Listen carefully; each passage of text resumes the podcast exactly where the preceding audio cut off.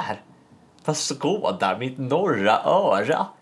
Nu eller aldrig-podden? Jag trodde den lilla laxen hade lagt sig under en sten Och dött! och dött. Men där hade du fel. Ja, För vi är tillbaka. Ett nytt och färskt avsnitt av Nu eller aldrig rakt i din örongång. mm. det är som det står i eh, den där, ut, den där nationalencyklopedin-utgåvan som kommer komma om eh, 120 år. Aha. Då kommer det stå 2009, det var revolutionens år. Då Nu eller aldrig-podden fick stort genomslag och startade reformationen, revolutionen och situationen som gav oss en bättre värld. Verkligen min kära brorsa. Men du är medveten om att du sa 2009? Så är det 2009? Du sa 2009, ja. Ha! Så att, eh, ja, tio år senare och här sitter vi. Det har redan På hänt. något sätt så började ju ändå revolutionen för tio år sedan. För att jag menar, det var väl ändå då, då var jag 16, nyss fyllda. Just det, Eh, och du var, du var 19. 26. jag blev förvirrad hur gammal du var. Jag kom på att du var 29 nu så då tänkte jag säga det. I Just alla det. fall, du fyller 30 snart. Det gör jag i år, i året. Kul, kul, kul. Anyhow. kul, kul, kul. Det här med ålder. Ditt Alltid roligt. Eh, När du, när du väl är, är maj, då kan vi ha ett speciellt avsnitt när vi bara pratar om hur det känns att fylla 30 i Verkligen. den liksom, icke-marxistiska samtiden som vi faktiskt lever i. Just det. Men tills dess så vill jag bara säga, kul för dig. Min ålder är ett sidospår. Absolut. Mer om det senare. Mm. I alla fall, nej men jag blev förvirrad. Men du hade varit 19 då helt enkelt. Ja. Och eh, det var väl egentligen då som man började känna, ja, ja men den här ideologin kan jag hanka fast vid. Verkligen, det var då melodin började spela i mitt huvud. Sjung om marxismens lyckliga dagar Låt dem oss skröjdas i ungdomens vår och så vidare. Verkligen, verkligen, verkligen. Men du, det är ju faktiskt så att vi har inte poddat på... Ja, vi poddade i typ... Jag tror 5 oktober är senaste avsnittet som... Ja, det är väldigt länge sedan och eh, vi ber om ursäkt för det här. För det roliga var att i det avsnittet så sa vi nej, nej, nej, nu är pausen över. För då hade vi haft sommaruppehåll i x antal månader. Så att ja, vi har varit borta länge och ni har ju saknat oss så att vi förväntar oss lyssnarstorm. As always. Självklart. Och det vill vi göra tydligt att eh, för att vi ska få fler lyssnare och starta revolutionen nu eller aldrig så vill vi gärna att ni går in på olika podcastsidor och ger oss ett gott betyg. Ja, ge oss ett gott betyg. Ge oss kanske en liten kommentar och tipsa din röda eller semiröda eller till och med lite ljusblå granne och säg hej, här har vi ett syskonpar som säger lite sjuka saker. Det kan vara kul. Ja, Ja, uppfriskande. men verkligen. Vi säger inte att du måste ge en femma i betyg, men... men fy- Fyra. Fyra. Och en smiley. För mig. Ja men verkligen. Och nu finns vi ju på både podcaster och eh, iTunes tror jag är samma och det där som finns för som, ni som inte har iPhone. Jag kommer inte ihåg vad den appen heter. Men vi finns överallt nu så att det är jättekul. Klicka in och lyssna. Vi finns där poddar finns. Ja. Ja, men jag känner att jag är kanske tvungen att ta på mig eh, ansvaret för den här pausen. Okej. Det har ju hänt lite tråkiga saker, eh, dramatiska saker på min sida utav släkten. Ja. Och nu är ju du och jag samma släkt. Men då menar jag att eh, för min partner, i min partners släkt. ja. Vi är inte halvsyskon. Nej. Nej. Nej. Nej, men så, så det har hänt lite saker som eh, turbulens kan man säga. Ja. Ja, vad vill du? Will du share and let us care? Ja, men en person är väldigt nära min partners familj då har ju eh, då eh, hamnat på intensiven. Alltså Nej. intensivvård. Usch. Och varit med om väldigt traumatiska upplevelser. Han, eh, han är ju verkligen på väg tillbaka nu här. Men det har varit en, en lång resa. Och det här har ju också eh, varit jobbigt att bearbeta. Så det har varit många turer till eh, allt från liksom intensivvård eh, och resor bort till olika eh, typer av kuratorer och liknande. Och, Ja. ja. det, men det har varit en riktigt slitsam resa. Ja, men precis. Både för personen i fråga, patienten, men också för er. Liksom, att ni har ju också varit tvungna att, att söka hjälp för att komma över det. Liksom. Verkligen. Och Eller jag, komma igenom, ja, snarare. och jag har tänkt att eh, det här vore ett väldigt bra samtalsämne för podden. Just det här alltså, eftersom nu då har man haft många och långa och kontinuerliga interaktioner med eh, vården i Sverige. Och eh, det, det, det är grogrund för många trevliga samtal. Ja, Så jag tänkte, onekligen. om, du, om du inte har något emot det så tänkte jag att vi kunde starta med det. Ja. Eh, vad, eh, vad tänker du om vård? Vad är, liksom, vad är din senaste... Vården i Sverige, din senaste upplevelse. Go! Ja, den är ju verkligen nyligen för att jag, jag har urinvägsinfektion. Eh, jättesorglig. Just nu? Jag har det as we speak. Åh, herregud. Och du är här och poddar? ja, men det är mycket bättre nu. För att jag var ju då och fick vård för det. Nej, men jag... Eh, Good times. Ja, verkligen. I, eh, I fredags, idag är det tisdag, i fredags började jag känna att eh, aj, aj, aj, det gör lite ont. Ni som har haft det, ni vet känslan. Man känner igen den på en sekund. Och sen så ringde jag Vårdguiden och de sa vänta eh, liksom mot slutet av helgen och se om du kan få bort den själv genom att typ dricka mycket, gå på toa ofta, you know, the drill. Får, eh, det är liksom att jag har ju aldrig haft det. Nej, Eh, för det är, det är svårare för killar att få det, har jag Ja. förstått det som. För att vi har längre urinrör. precis. Bakterierna kan liksom inte nå på samma sätt. Precis, men det, är, alltså, det gör ont när man kissar. Ja, alltså vissa beskriver det som att man kissar taggtråd. För mig är det mer som att eh, själva blåsan eh, precis i slutet när man kissar så känns det som att hela blåsan bara krampar och typ så här dunkar som, ja men verkligen som ett sår. Alltså det, det så här, Ah, ja. du vet när man har slagit i sin tumme typ att den kan dunka. Lite så känns det. Eh, inte trevligt alls och ja, det är ju väldigt vanligt bland kvinnor. Men. Men jag undrar om det kompenserar då med så här, eftersom mannen har längre urinrör, Ja. gör det ondare längre tid för mannen då?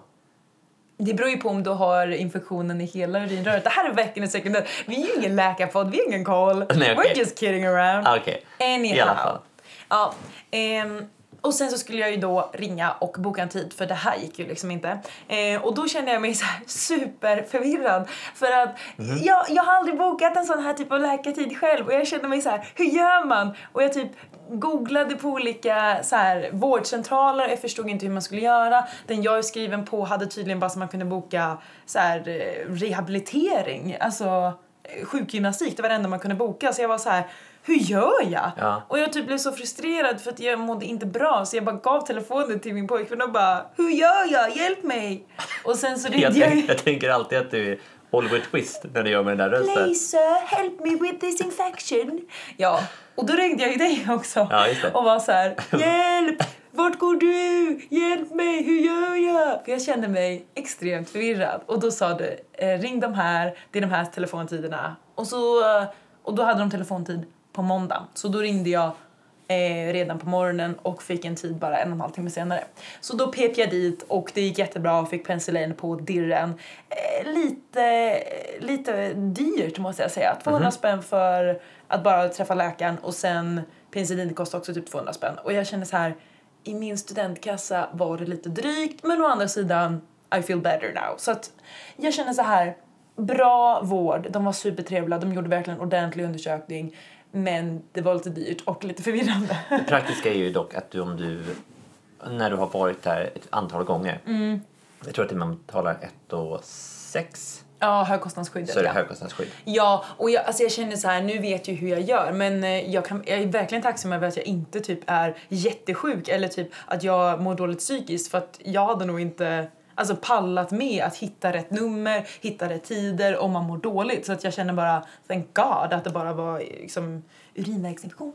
Ja, och det där, det där var ju faktiskt en, en oförhappandes bra passning in. Ja. För, för det, men det är just, just det med att eh, det är något av en labyrint. Det är liksom ingen som har gett dig en grundkurs i hur det går till. Eh, och eh, ja, men det, det är snårigt. Det, det kan verkligen vara snårigt. Och har du inte kraften, orken och måendet för att göra det så är det väldigt, väldigt svårt. Ja. Det för mig då in på den här eh, personen nära till min partners familj. Okej. Ja. Han har ju då eh, han har diagnostiserats med Asperger. Men diagnostiserades väldigt sent i livet. Eh, och eh, har väl lärt sig innan dess då att eh, det här med social interaktion är någonting som samhället tycker är en väldigt viktig grej. Så det ska man göra. Och har blivit väldigt duktig på det. Alltså det, han är När du träffar honom första gången, han är den artigaste, snällaste, smoothaste människan du kan möta på. Alltså. Alla jag mött som träffat honom säger bara så här, gud vilken artig och trevlig människa, snygg också. 100 procent. Han är verkligen så god. Mm, verkligen superhärlig. Ja. Eh, men har ju då, eh, eftersom han har en diagnos, så har han fått väldigt mycket ångest. Men han har inte, men istället för att någon skulle ha eh, utrett honom eller någonting sånt, så har han eh, lärt sig att dölja det, har lärt sig att ljuga om det och lärt sig att eh, medicinera sig själv. Och då finns det ju eh, en svart marknad för sådana saker. Oh ja. Ja, så han har lärt sig att medicinera sig själv. Och sen när det här har kommit ut då, att han medicinerar sig själv och att han har en diagnos, så får han då tyvärr ingen hjälp från eh, psyk.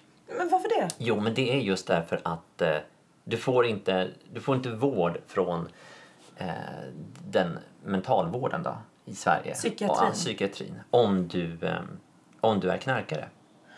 Och det är alltså, du kan inte få mediciner utskrivna som Nej. väldigt många människor behöver för att, må, för att bli liksom normaliserade.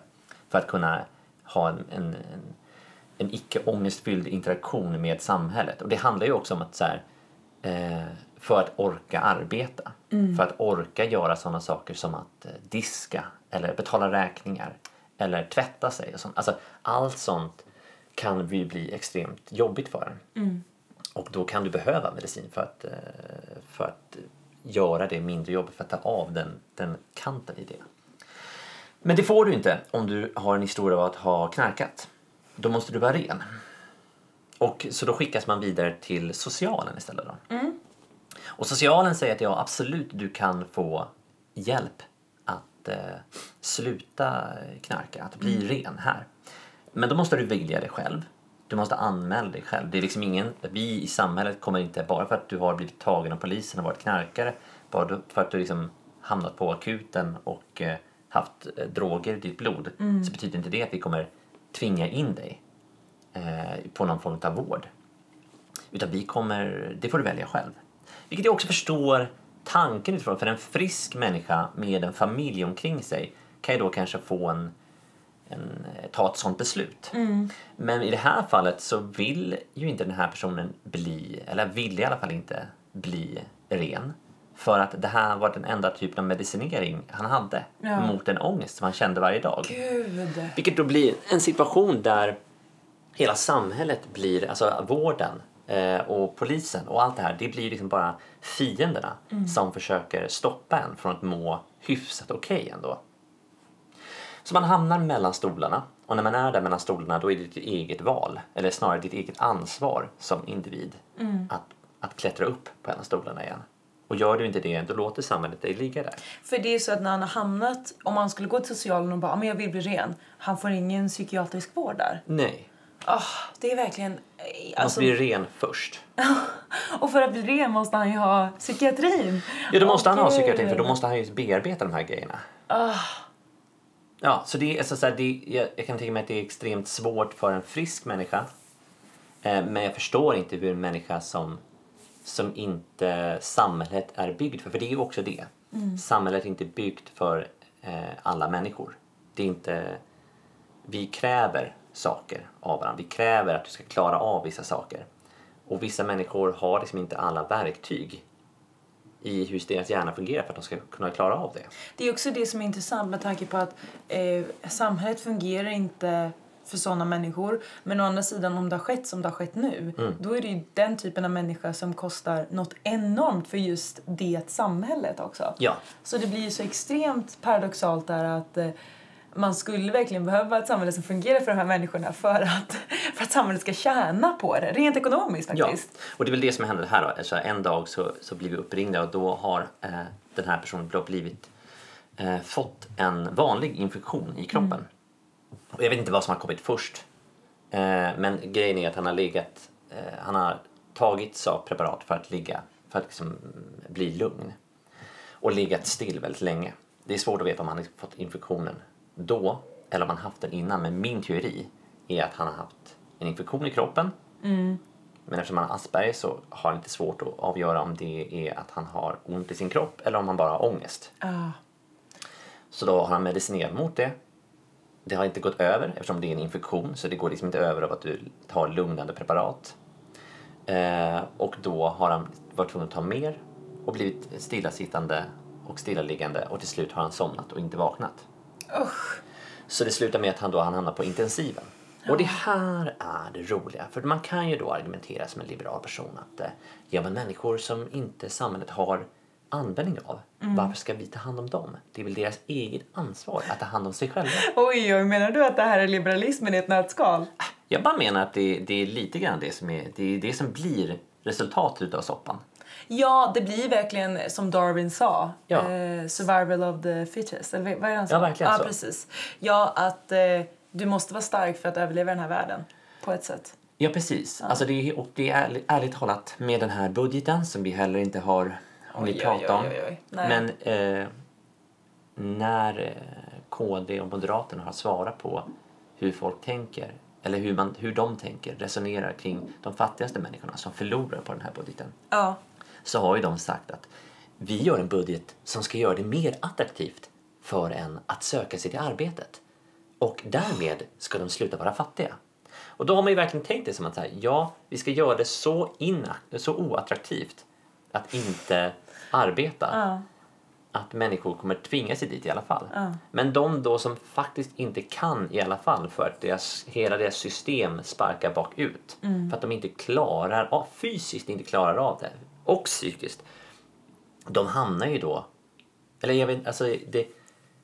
Men då ska ju, ja. de hävdar ju då att det ska vara ditt fria val att kunna välja den absolut bästa vården eller den vården som du tycker passar. Så då, ska ju, då, då hävdar ju de att den här personen ska så här, ja men då tycker jag att den här vården är bra och då ska det liberalistiska samhället av efterfrågan och marknaden och jada jada, då ska de ha äh, fixat ett perfekt eh, vårdpaket som den här personen då bara, ah det är mitt val och jag väljer det vårdpaketet för det funkar bäst för mig. Jo men så är det ju dock. Alltså, så här, då, då är det ju så här, då Men det är ju tänker de, sjukt. Ja, då tänker de att vården ska komma till den här personen. Ja. Men låt mig då säga att den här personen är inte en person som någon i vården vill ha att göra med. Plus att uppenbarligen. han- han ligger ju där mellan stolarna Ja. och kommer kosta fruktansvärda mängder pengar. Han är ju heller inte kapabel att, att kunna göra de liksom, vårdvalen som Nej, man som måste. är vården kommer inte Knappt vilja... jag kunde ju det för Nej, men precis, och det är det jag menar. Vården kommer inte söka sig till honom för att han kommer kosta för mycket pengar. Han kommer inte söka sig till vården för att han orkar inte sätta på en dator och kolla upp sådana saker. Och ge sig in i den labyrinten kräver väldigt mycket energi. Mhm. Och sen att faktiskt då prata med en läkare och kräva ehm, den vård man faktiskt behöver och faktiskt vara ärlig eh, med hur man mår Ja. är väldigt svårt när man har tillbringat ett helt liv med att ljuga om hur man mår för att man tänker att man är bara en konstig människa. För att man inte fått någon diagnos och man blir väldigt duktig på det. Så i slutet i alla fall, Ja. det, det slutar med att, han går kommer in på intensivvården. Och här är det verkligen det roliga i hela, hela kråksången. Precis som sagt, i, i ett liberalt tänkande så, så, så hamnar de här människorna utanför då får de lite grann skylla sig själva. Eh, men då är de där. Men det är ju inte så samhället är. Utan alla människor kommer ju kunna få då intensivvård. Vilket han får. Och varje dag han ligger på intensivvården kostar han 100 000 kronor. Oj! Gud! Och han var tvungen att ligga på intensivvården i nästan två och en halv vecka. Åh herre. Ja, där var ju en slant man kunde stoppat in i ett annat hål. D- verkligen så. Åh, herregud. och där bara tycker jag att då blir det ju så extremt korkat. Mm. Alltså, eh, det är ju så fruktansvärt korkat. Mm. Vi har ju förlorat, då har vi förlorat allt. Då har ju ingen tjänat på någonting. Nej, och då fungerar ju verkligen det liberalistiska samhället. För då är det så här, ja men om man ska pusha de här människorna som, som då liberalen säger, gör egna val, bestäm själva över, över era egna liv. Då kommer såna här människor allt mer, alltså till och med de som inte riktigt är där än. Men om man pu- pushar det längre mot ett liberalistiskt samhälle så kommer även de människorna falla i den här gruppen. Och förstå hur mycket pengar de kommer kosta när de väl kommer till det här. Om man nu ska tänka ekonomiskt. Vilket vi kanske inte vill göra. Men alltså, vad är lösningen då? Men jag, nej men precis, och det är, det, och det är verkligen så. Ja. Vad är lösningen i det här? Ja. Och, och eh, där tänker jag att man måste ju sluta... För jag lyssnade också på ett eh, avsnitt av eh, Filosofiska rummet, som jag verkligen kan rekommendera. Mm. Ja. Det var deras nyårsspecial. Då gjorde de bara en liten, så här, en liten recap med olika filosofiska tänkare och tänkte så här, vad tror ni om 2019? Vad är det viktigaste? Och så här. Väldigt intressant samtal.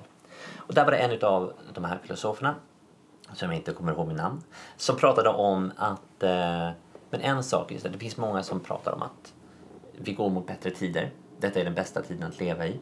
För att eh, det har aldrig funnits så lite fattigdom. Det har aldrig funnits så lite krig. Och vi lever mycket, mycket längre. Ja. Samtidigt så kan man se att vården till exempel blir bara dyrare och dyrare och dyrare. Det blir dyrare och dyrare att vårda människor. För att just eh, den interaktionen, mänskligt arbete, blir bara mer och mer, det kostar bara mer och mer pengar. Och det går liksom inte heller att effektivisera på det sättet.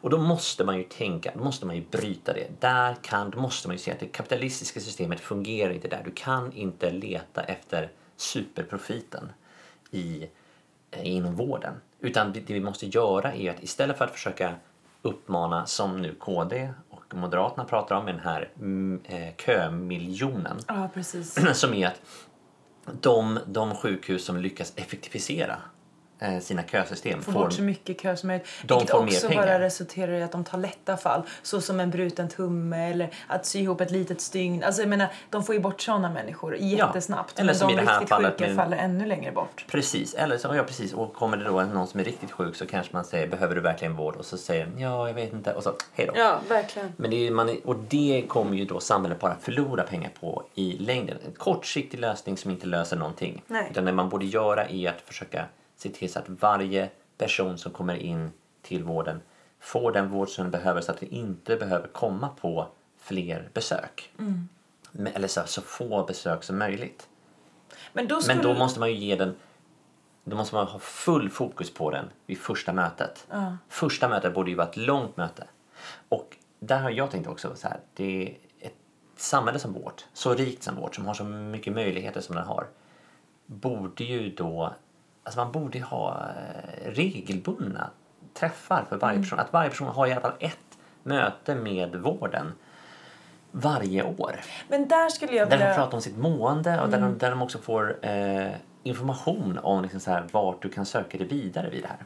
Där skulle jag vilja gå vidare till vad vi, alltså vad, vad skulle vad skulle i sådana fall vi vilja ha för ett samhälle? Alltså om vi ska tänka utifrån eh, ett marxistiskt samhälle. Eh, alltså, som många absolut hävdar då blir mer kontrollerade, inga fria val på det sättet. Men om man till exempel börjar då med ett, ett eh, vårdmöte om året per person där man, ja, man faktiskt tvingas att gå dit för att det här kommer ju också både man tjänar på rent att medborgarna i hela samhället, hela, hela Sverige då kommer må så mycket bättre för att ja, men man får kontinuerlig kontakt med någon. Man kanske får en specifik person man går till många gånger som känner till ens historik, ens problematik och dylikt. Så man blir vårdad snabbare. Men samtidigt så kommer man inte komma till de här kritiska lägena som, eh, som han, eh, den här patienten du har kommit till. Och kommer heller inte kosta, alltså allt för ofta, så, såna mängder heller. Det är verkligen så. För jag menar, han är uppenbarligen inte i slutet av sitt liv och det är ju ofta i slutet av vårt liv, typ sista månaden, som vi kostar absolut mest i vården. För det är då vi behöver liksom det, det tunga artilleriet. Och fram tills dess så ska ju inte det tunga artilleriet behöva tas fram. Nej. Det ska ju finnas kontinuerlig vård då. Ja.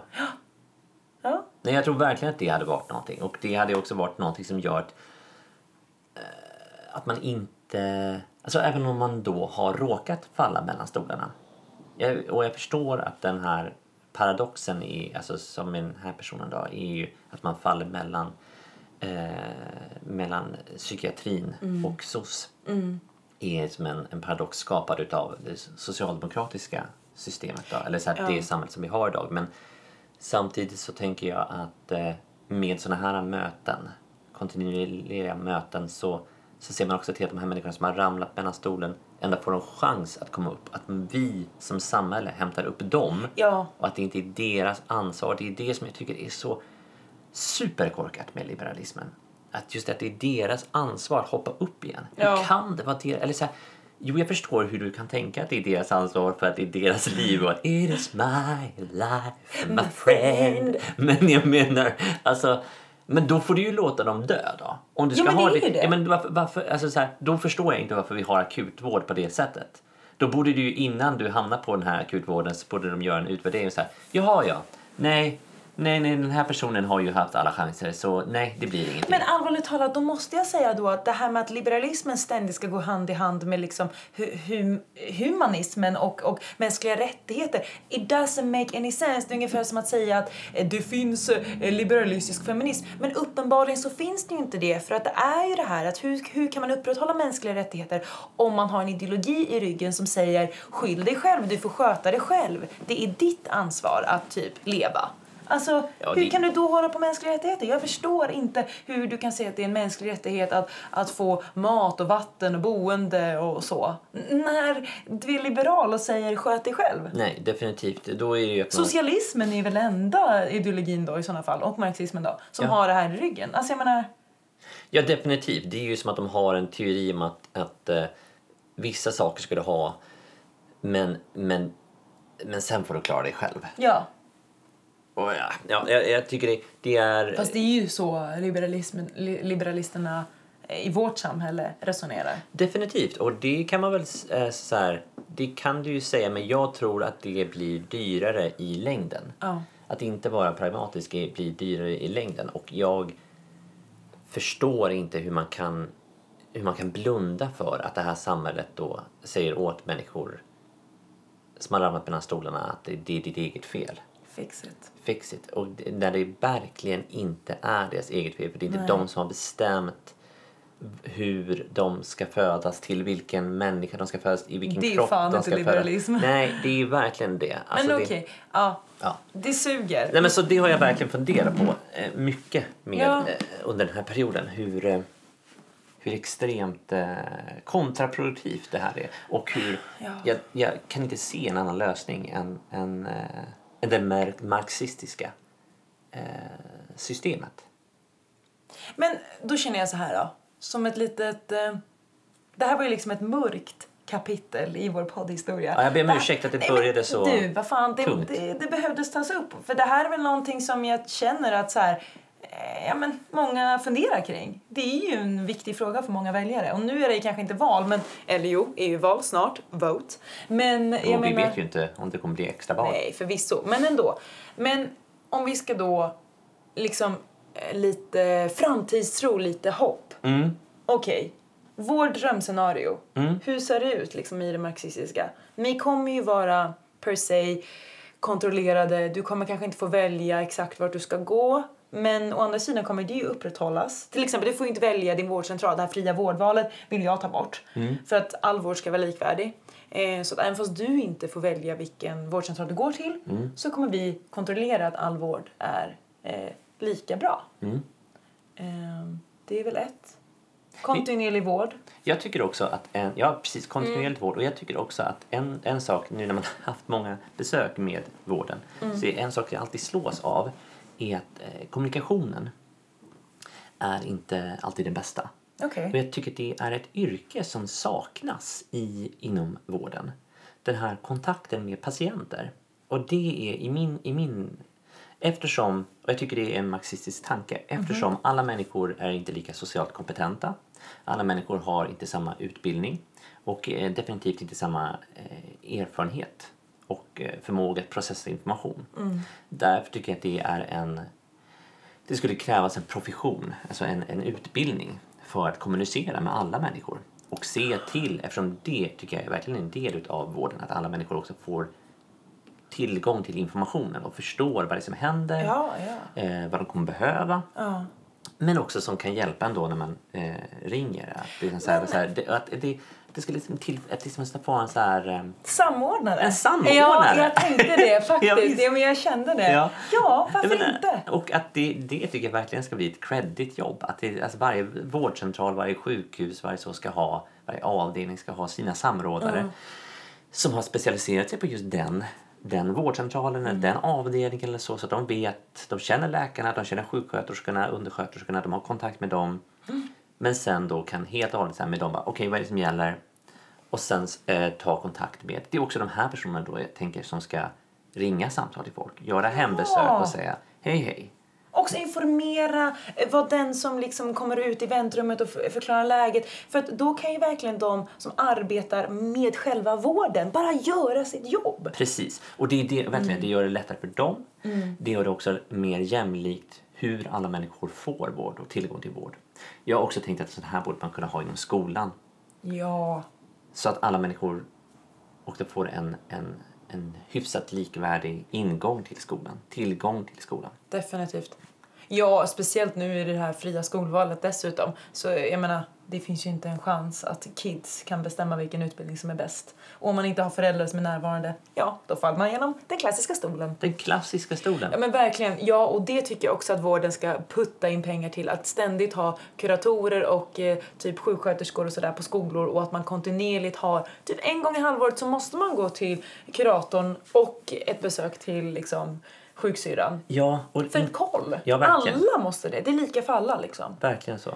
Och inte för att, vara, eh, inte för att ge eh, någon eh, liksom dissning till de, de kuratorer som faktiskt finns nu. Men Min upplevelse nu av de kuratorer på de här sjukhusen som jag har varit på, de här vårdcentralerna, är att de kanske inte riktigt vet exakt själva vad de gör där. De känns lite vilsekomna och lite liksom handfallna inför sin uppgift. Och det är säkert på grund av att den är alldeles för stor för dem, att de har alldeles för lite pengar och resurser och personal för att kunna lösa det de faktiskt skulle behöva göra. Så mer pengar där i, i det, i det drömscenariot. Put more money in! Ja men då så, det var, det var, ja. Nej men jag är nöjd så, Jag är också nöjd så. Nej men det blev ett lite, det blev ett lite tungt avsnitt. verkligen. Lite, jag ber om ursäkt för det. Men jag kände att det var saker som behövde processas, Ja, pratas om. du ska inte be om ursäkt. This is a safe space man. It's just me and the crowd. But I feel Yeah, whatever. that you really love me.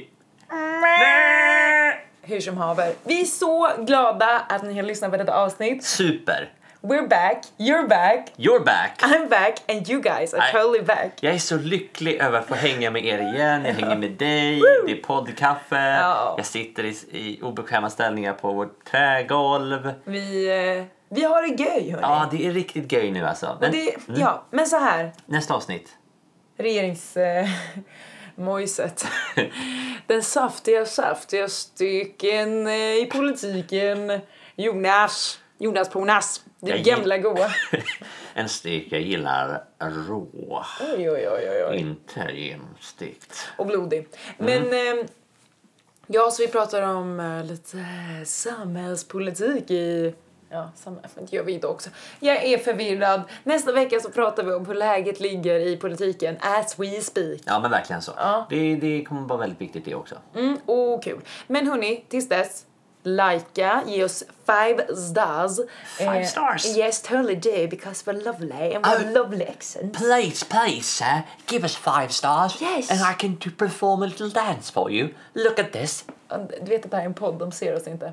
Anyhow. Listen to this. Fan, vi har varit så seriösa hela den här podden och nu bara uh. I alla fall. Eh, like us and subscribe. Eh, och jag har alltid velat säga det. Ja. like and subscribe. Eh, och skriv kanske en liten kommentar och säg Fan vad härliga de är. Eh, Jag önskar de eh, pratade lite mer om det här. Ja, ja, verkligen! För vi har ju en Gmail.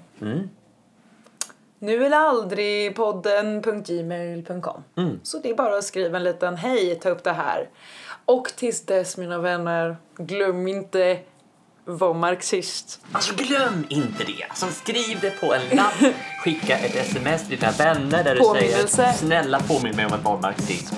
Eh, var marxism. Jag var inte ens marxist. Var ideologin. marxism. Var ideologin. Liv den, insup den, lev den, gå upp på ett berg, bli upplyst av den.